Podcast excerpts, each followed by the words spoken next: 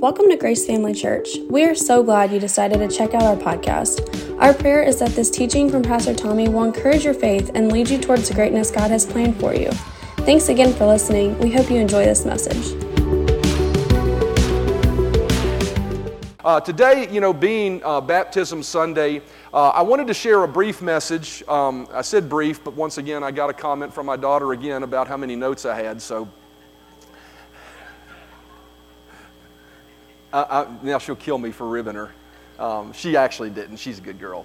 Um, but, uh, but anyway, I, I, will say that I'll try to keep this as brief as possible um, so that we can get over there and, and, we don't hold you too long today. But, um, you know, being a baptism service, I felt it was important for us to share, you know, what qualifies a person to be baptized.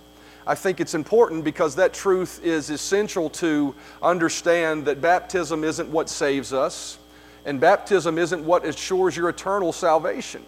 Uh, there's something completely, entirely different than being water baptized, but it is a foundational thing to get you there that must take place. And so we found that uh, truth um, really sort of alluded to by Paul in Ephesians chapter 1, verses 15 and 17. We'll read this and then just pray and believe God with me to get across to you what's necessary today. And uh, also, you know, I just believe God, whatever the message is, God can speak to you right where you're at, whatever you're dealing with, and, and give you an answer if you need one today. So just be trusting God for the Holy Spirit to use me. Amen.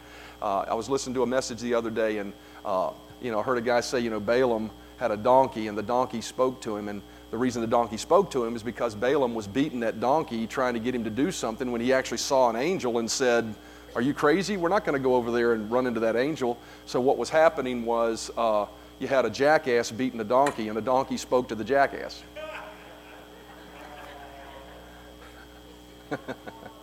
so, if God can use a donkey to speak to whomever, then trust God for God to use me to speak through to you. Amen. Amen. Ephesians chapter 1 verse 15 17 says, "For this reason ever since I heard about your faith in the Lord Jesus, I keep, verse 17 says, I keep asking that the God of our Lord Jesus Christ, the glorious Father, may give you the spirit of wisdom and revelation so that you may know him better. Let's pray. Father, thank you so much for your word. Thank you for just, I'm just so grateful um, for the people here, the heart they have towards you, the bond of fellowship and community that we're beginning to establish as a group of believers. I thank you for that. And I just pray that as we uh, come before you today to hear your word, that you'll use me to speak through me to your people, that you would say what you want to have said today, that we would establish truth in our lives, and that you would speak to hearts, you'd meet needs, and we'll give you all the praise and thanks for doing that in Jesus' name. Amen. If you notice there, Paul had a desire for these people, and that desire is found really in the last few words of verse 17. His desire was that the people there that he was writing to in Ephesus would know God and Jesus better. It was his desire that he would know them, that they would know them better. And I got to tell you, that's one of the greatest desires of my heart as well. Every time I prepare a message, every time I put anything together, not only is it my desire that I know him better, but it's also my prayer that you would know him better through what we're teaching here. Uh, I recognize the unbelievable responsibility that I have as an, as an individual to do that and to re- do my best to rightly divide the word and bring it to you. So it is my desire that you would know Him better through what we're teaching here at Grace. And, and so it's important for us to do that. Not, not that we just know of Him, but that, that what we're teaching here and what we're doing here would truly bring you into an experience with Him, that you would know Him like you really know Him. Amen?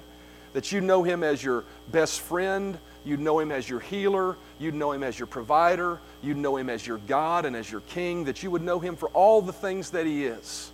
Uh, that's our prayer. But, you know, I think as I was reading that, as I was preparing this message, I really thought about the fact that there was a foundational thing that Paul recognized in these people that he was writing to that qualified them for him to believe, for them to know God, know, know God better. And it's found there in verse, the first verse that we read. He said these words. He says, Ever since I heard of your faith in the Lord Jesus. Paul understood that these people that he was writing to in Ephesus had had a moment in time where they had placed their faith in Jesus Christ. You know, as I, as I think about baptism and what baptism represents, it's important to understand that baptism really is just an outward sign of something you've already done on the inside of you. And, it's, um, and it represents that moment in time where you have actually taken time to bend your knee and commit your life to Jesus Christ. As a matter of fact, uh, it is this initial expression of our faith in Christ that is the door through which every man must walk if he is going to have a relationship with God. It's the foundational truth of the Bible. The foundational truth of expressing your faith in Christ is the foundational truth of the Bible. It is the beginning of understanding the Bible. As a matter of fact, it is the beginning of any relationship you would ever desire to have for God. God's plan uh, throughout, throughout the scriptures and throughout eternity has all been designed for this one truth to be received by man. What is that truth? That a man can receive a free gift from him to have a relationship with him. All that God did from the moment of creation to Christ's resurrection was to make this truth possible. All of the types and shadows we see in the Old Testament of Christ, as we look at the different types and shadows, they all point to the redemptive work that Jesus would do to allow us to have that salvation. And that truth is really simple. It's simply this that a man can receive a free relationship from a loving God as a gift that he does not have to earn. Not only that, but that gift imparts to him the right to be able to be cleansed from his sins and to stand right before God regardless of his misdeeds. And so we understand that. And so, and so, first, we've got to establish this truth if we want to have a relationship with God that we must bend our knee and express our faith to Him. It is the key to a satisfied soul and a happy life. You know, many people search for areas of satisfaction in your life. The key to finding satisfaction starts with expressing and receiving, expressing your faith in Christ and receiving the gift that comes from that. Now, I want you to notice Jesus said these words as well. He defined it as not just expressing your faith, but he had a very definitive term for it. In John chapter 3 and verse 3, it says, Jesus has answered and said to them, Verily, verily, I say unto thee, except a man be born again. Everybody say, born again. Except a man be born again, he cannot see the kingdom of God. Verse 7 says, You must be born again. Uh, so Jesus actually used some very emphatic terms. He used the term born again and he said, For you to have a relationship with God, to see the kingdom of God, you must be born again. That word is emphatic, it's a non negotiable term. You know, uh, uh, just this past week, I was dealing with some contracts and, uh, and, and, and, some criteria that, uh, actually, I was dealing with an audit. And to be able to uh, pass this audit, you had to meet certain criteria. But the terminology in the audit was should do this. Well, that should do this allowed, uh, you know, uh, the opportunity to be able to say, okay, if we should, then it's not really necessary because it's not a must, right? Must is emphatic. It's a contract breaker, basically. And what Jesus was saying is, is if you want to see the kingdom of God, this is not negotiable. You must be born again. Being born again is not a subtle suggestion that might be a good idea for you to consider. Jesus said it's absolutely 100% necessary. As a matter of fact, if you think about it, Jesus' credibility hinges on that statement. You know, there's a lot of people, there's commercials I see about Jesus understands and Jesus knows this and all this different things. And, you know, I don't know the faith of the people behind those, but I will tell you this all of the good things that even the secular world seems to embrace about Jesus, that he loves and that he's kind and he understands, all of, the, all of that of Jesus hinges, and his credibility for those things hinges on this truth. See, there's a lot of people that don't believe that being born again is a must. There's a lot of people that believe that, you know, well, you can get to God a million different ways. But that's not what Jesus said. Jesus said the only way you can see the kingdom of God is you must be born again. John chapter 3 and verse 4 says, It is necessary for you to be born again, for all of you to be born again. In the Wuest translation, Jesus expressed that all of us must be born again. I think it's important for us to recognize that in a culture around us that wants to, uh, you know, uh, give an award for everything, right? You know, when I, when I, I remember when I was growing up playing sports, somebody won and somebody lost. Right? And, and, and, I, you know, and nowadays, I mean, you know, I, I get it, right? You know, uh, you want everybody to be happy. But the truth of the matter is, is if the scoreboard is 21 and 17, The guy with 21 is the winner, and the guy with 17 lost that match. How many of you realize they don't give out two Lombardi trophies next week when there's a, when there's a Super Bowl champ? But our culture wants to embrace that, oh, everybody. You don't get a participation prize just because you believe something about God that's unbiblical about God. The only way you get the trophy is by following the rules. And Jesus said here, you must be born again. John chapter 3 and verse 3 says, Jesus answered and said unto them, Verily, verily, I say unto you, except a man be born again. Notice this, he cannot see the kingdom of God. He's the only way. There's no participation trophies, right? There's no pat on the back when it's all said and done if you haven't met this criteria. Just because we were created by God. See, there's a flawed concept in the world around us that everybody is a child of God. You know, I, I, see this a lot of times, and you know, I don't watch them because I don't put much credence in them. But sometimes you'll see sort of a, a blurb on Facebook or social media, which I try to stay away from as much of that as I can now. Every once in a while, I'll post something about the church because, you know, I'm excited about the church. But um, you'll see on these, pro, you know, we're all just children of God. I'm going to tell you something. Everybody on the planet is not a child of God. Not according to Scripture, not according to what the Bible says. John chapter 3 and verse 6 says, That which is born of flesh is flesh, and that which is born of spirit is spirit. Jesus said there are two births that we get to experience as a human being. One is the birth of our flesh, and one is the birth of our spirit. When we are conceived in our mother's womb, we have the, the, the, the, the generation of our flesh being born. It's the moment we are created. And then your spirit is also created in that very moment. It's not when you come out of the womb, all of a sudden you have a spirit. You have a spirit the minute that you're conceived.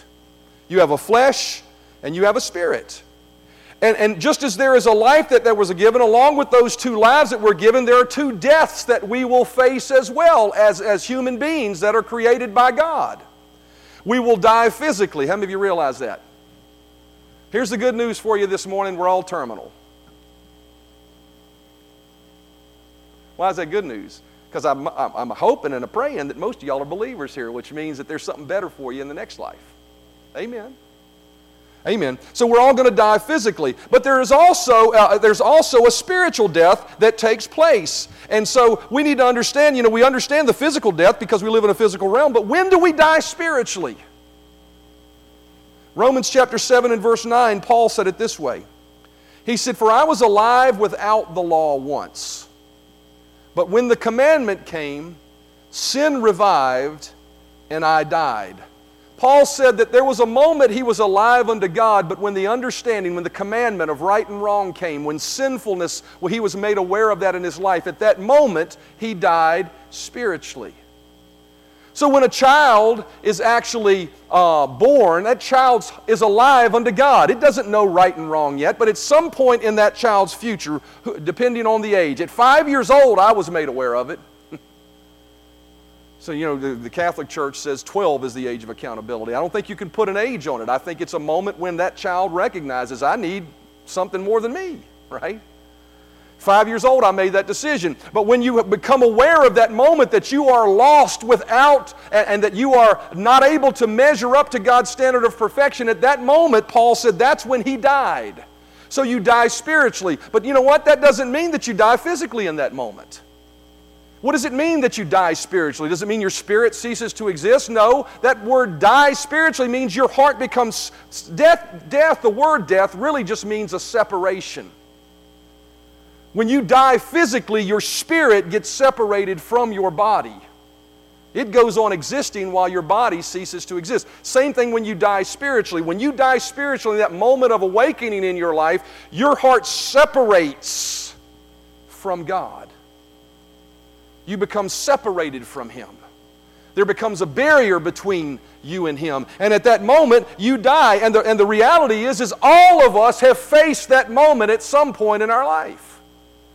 Romans 3:23 says for all have sinned and come short of the glory of God. Every one of us have fallen short of God's perfection, and when we fell short of God's perfection, we separated ourselves from God. We took on the nature of someone other than God who crea- the God who created us.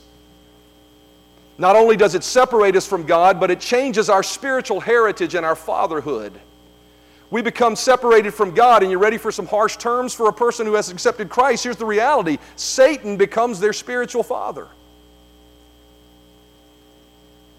That seems harsh, but I got to tell you, I'm going to stand before God and give an account one day of whether I tell you the truth or not. So I can't lie to you just to pat your hand. That's what Jesus said. Jesus explained it to the Pharisees.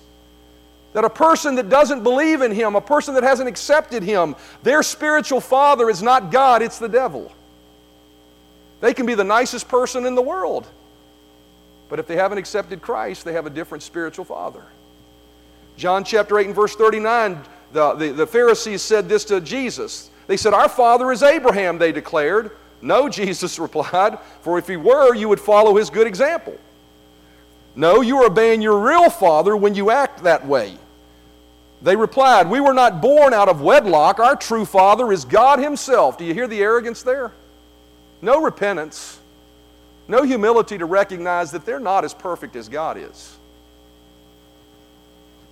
Why, and then Jesus said this Why can't you understand what I'm saying? How many of you ever been there for with him? For you are, uh, for you are the children, boy, I got to tell you, this is strong. For you are, are the children of your father, the devil.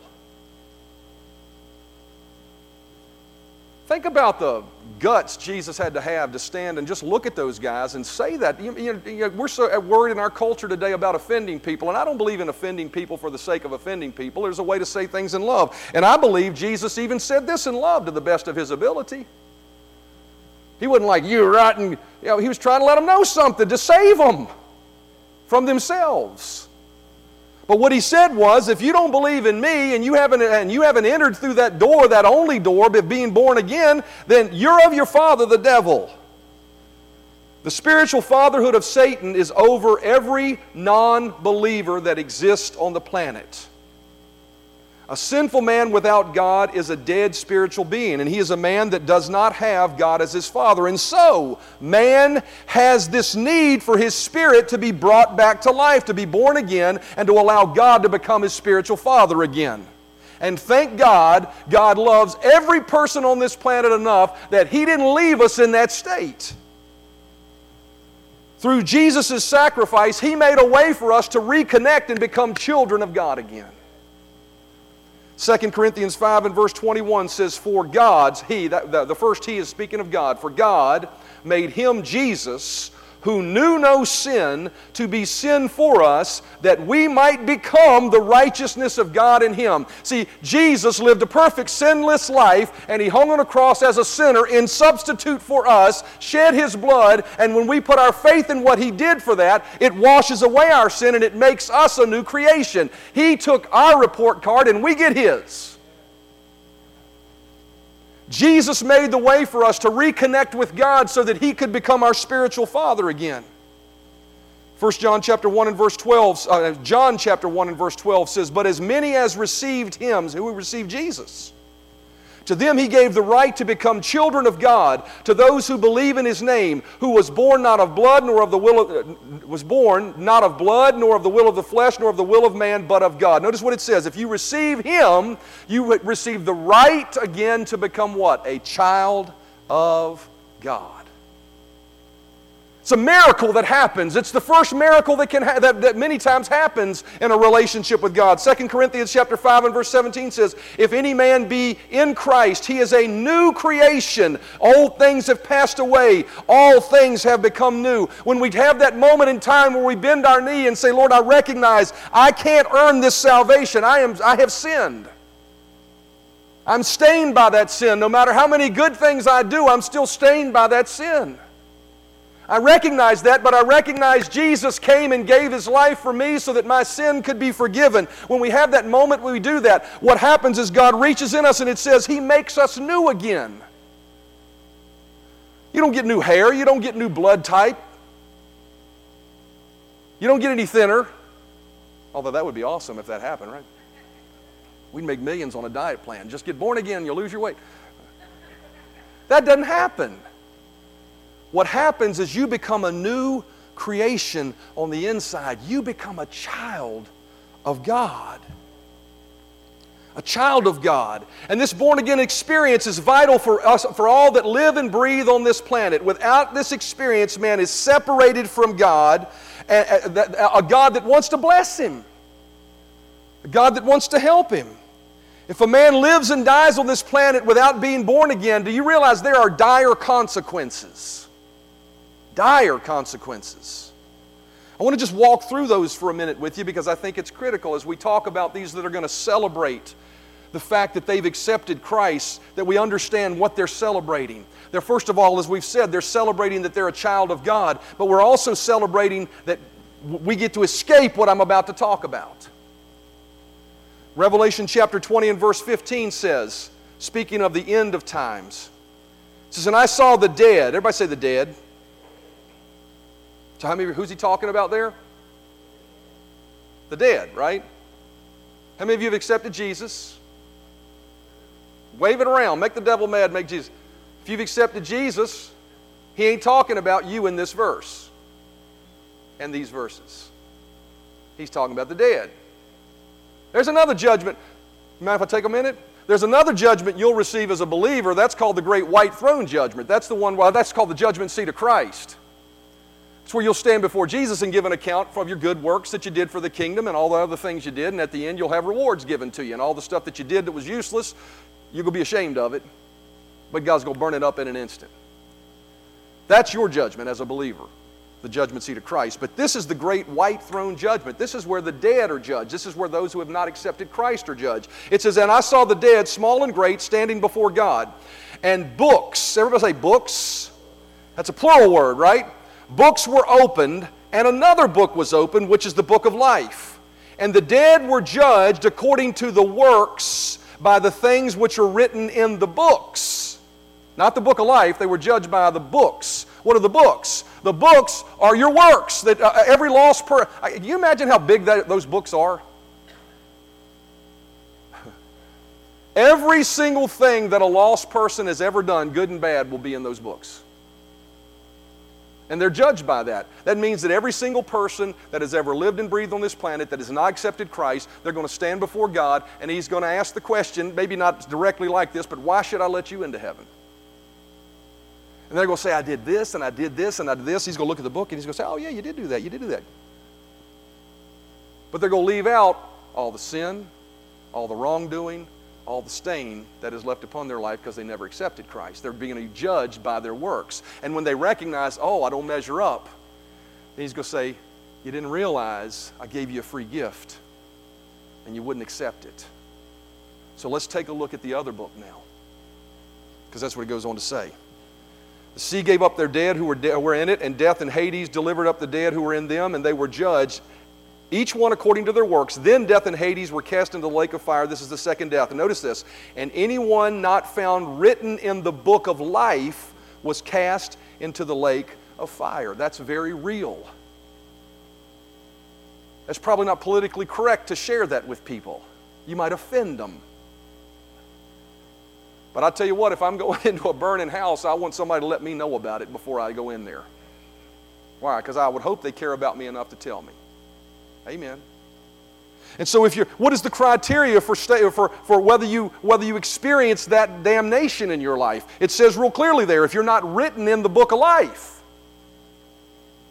So then that begs to ask the question what qualifies a person to get into the book of life? Revelation chapter 3 and verse 5 says, He who overcomes shall be clothed in white garments. And I will not, notice this, blot out his name from the book of life, but I will confess his name before my Father and before his angels. Notice a person that overcomes is one that is written in the book of life.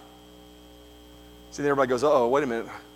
I'm not always overcoming. I fail sometimes. What, does that, what about me? Did I overcome? Here's how you overcome Revelation chapter 12, verse 11.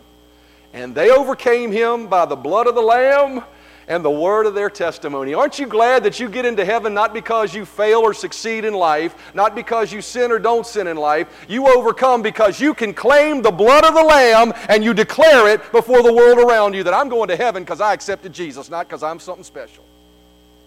Amen. That's worth running a lap almost. Amen. 1 John 5 4 says, Who is he who overcomes the world but he who believes that Jesus is the Son of God? What is it that keeps you in the book of life? What keeps you in the book of life is that you are born again. But notice an interesting that you've accepted Christ. You put your faith in Him. But notice an interesting fact about those who are born again in this book of life. Notice what it says. He says, I won't blot you out of the book of life. This is a really interesting point. Mind if I share it with you? So, what that tells me is that there comes a moment in time when someone is blotted out of the book, which would mean they were in it and then they were blotted out of it. when does this blotting out take takes place? When does this writing in take place? Psalm 139 and verse 13 says this. It says, You form me in my innermost being, shaping my delicate inside and my intricate outside. This is the Passion Translation. And wove them all together in my mother's womb. I thank you, God, for making me so mysteriously complex. Everything you do is marvelously breathtaking. It simply amazes me to think about it, how thoroughly you know me, Lord. You even formed every bone in my body when you created me in the secret place. Carefully, skillfully, you shaped me from nothing to something. You saw, your eyes saw my substance being yet unformed, and in your book they were all written.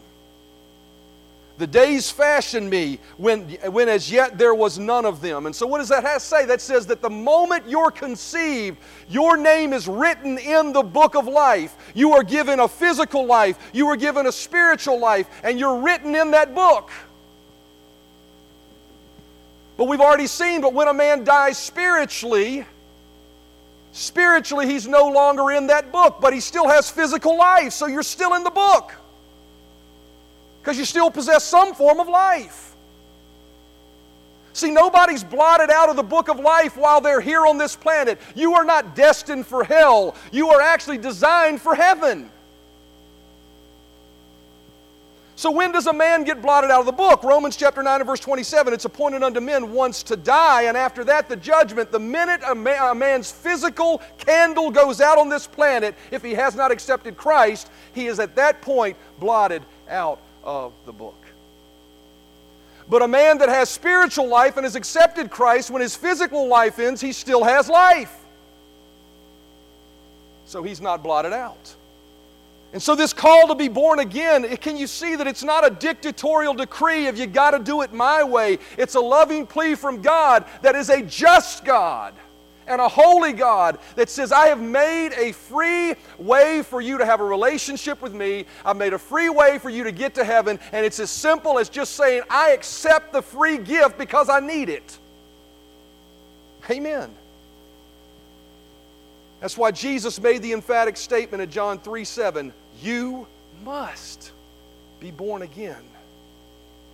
Can you hear those words from the pleading heart of a loving Savior instead of the harsh words of a dictatorial dictator?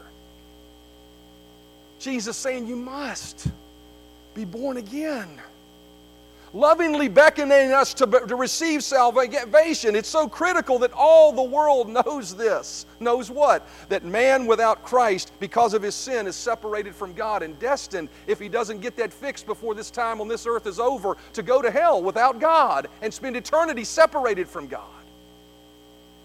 But if he'll accept Jesus Christ as his personal Lord and Savior, when his life expires on this earth, he will still be called a child of God, and death will be swallowed up in victory, and he will enter into the presence of God and enjoy eternity in God's presence with every other believer that's ever done that. So, how do you get born again? Real simple Romans 10 9. If you confess with your mouth the Lord Jesus and believe in your heart that God has raised him from the dead, you will be saved. It's that simple. Doesn't say anything about baptism there. Doesn't say anything about being a perfect person or joining a church or being a church member. It says if you confess with your mouth the Lord Jesus and believe in your heart that God has raised him from the dead, you will be saved. And when you do that, 1 John 3 1 says, Behold, what manner of love the Father hath bestowed upon us that we could be called children of God. When we make that decision, we become His child. We become brand new on the inside. I believe that most everyone here, I don't know everybody's situation, but I believe most everyone here has probably made that decision at some point in your life. And the important thing to recognize is this new birth experience, this born again experience. I think sometimes we as believers think, you know, at some point in time we got born again in the past, and, and, and you know, as we you know, move along, we make mistakes and we make failures, and we become this sort of, uh, you know, calloused old Christian that's got, you know, the scars to prove it. But the beautiful thing about being born again is, is that every day you live, if you'll just lean into it, it's just like you were born again the first time, the first day. 2 Corinthians chapter 4 and verse 16 says, Therefore do not lose heart. Why would he say that? You ever done something that was not becoming of a Christian? And I got to tell you, I had two instances this week where I was just so frustrated. I did not display Christian character. Do not lose heart. Even though our outward man is perishing, even though you've got a flesh you've got to deal with.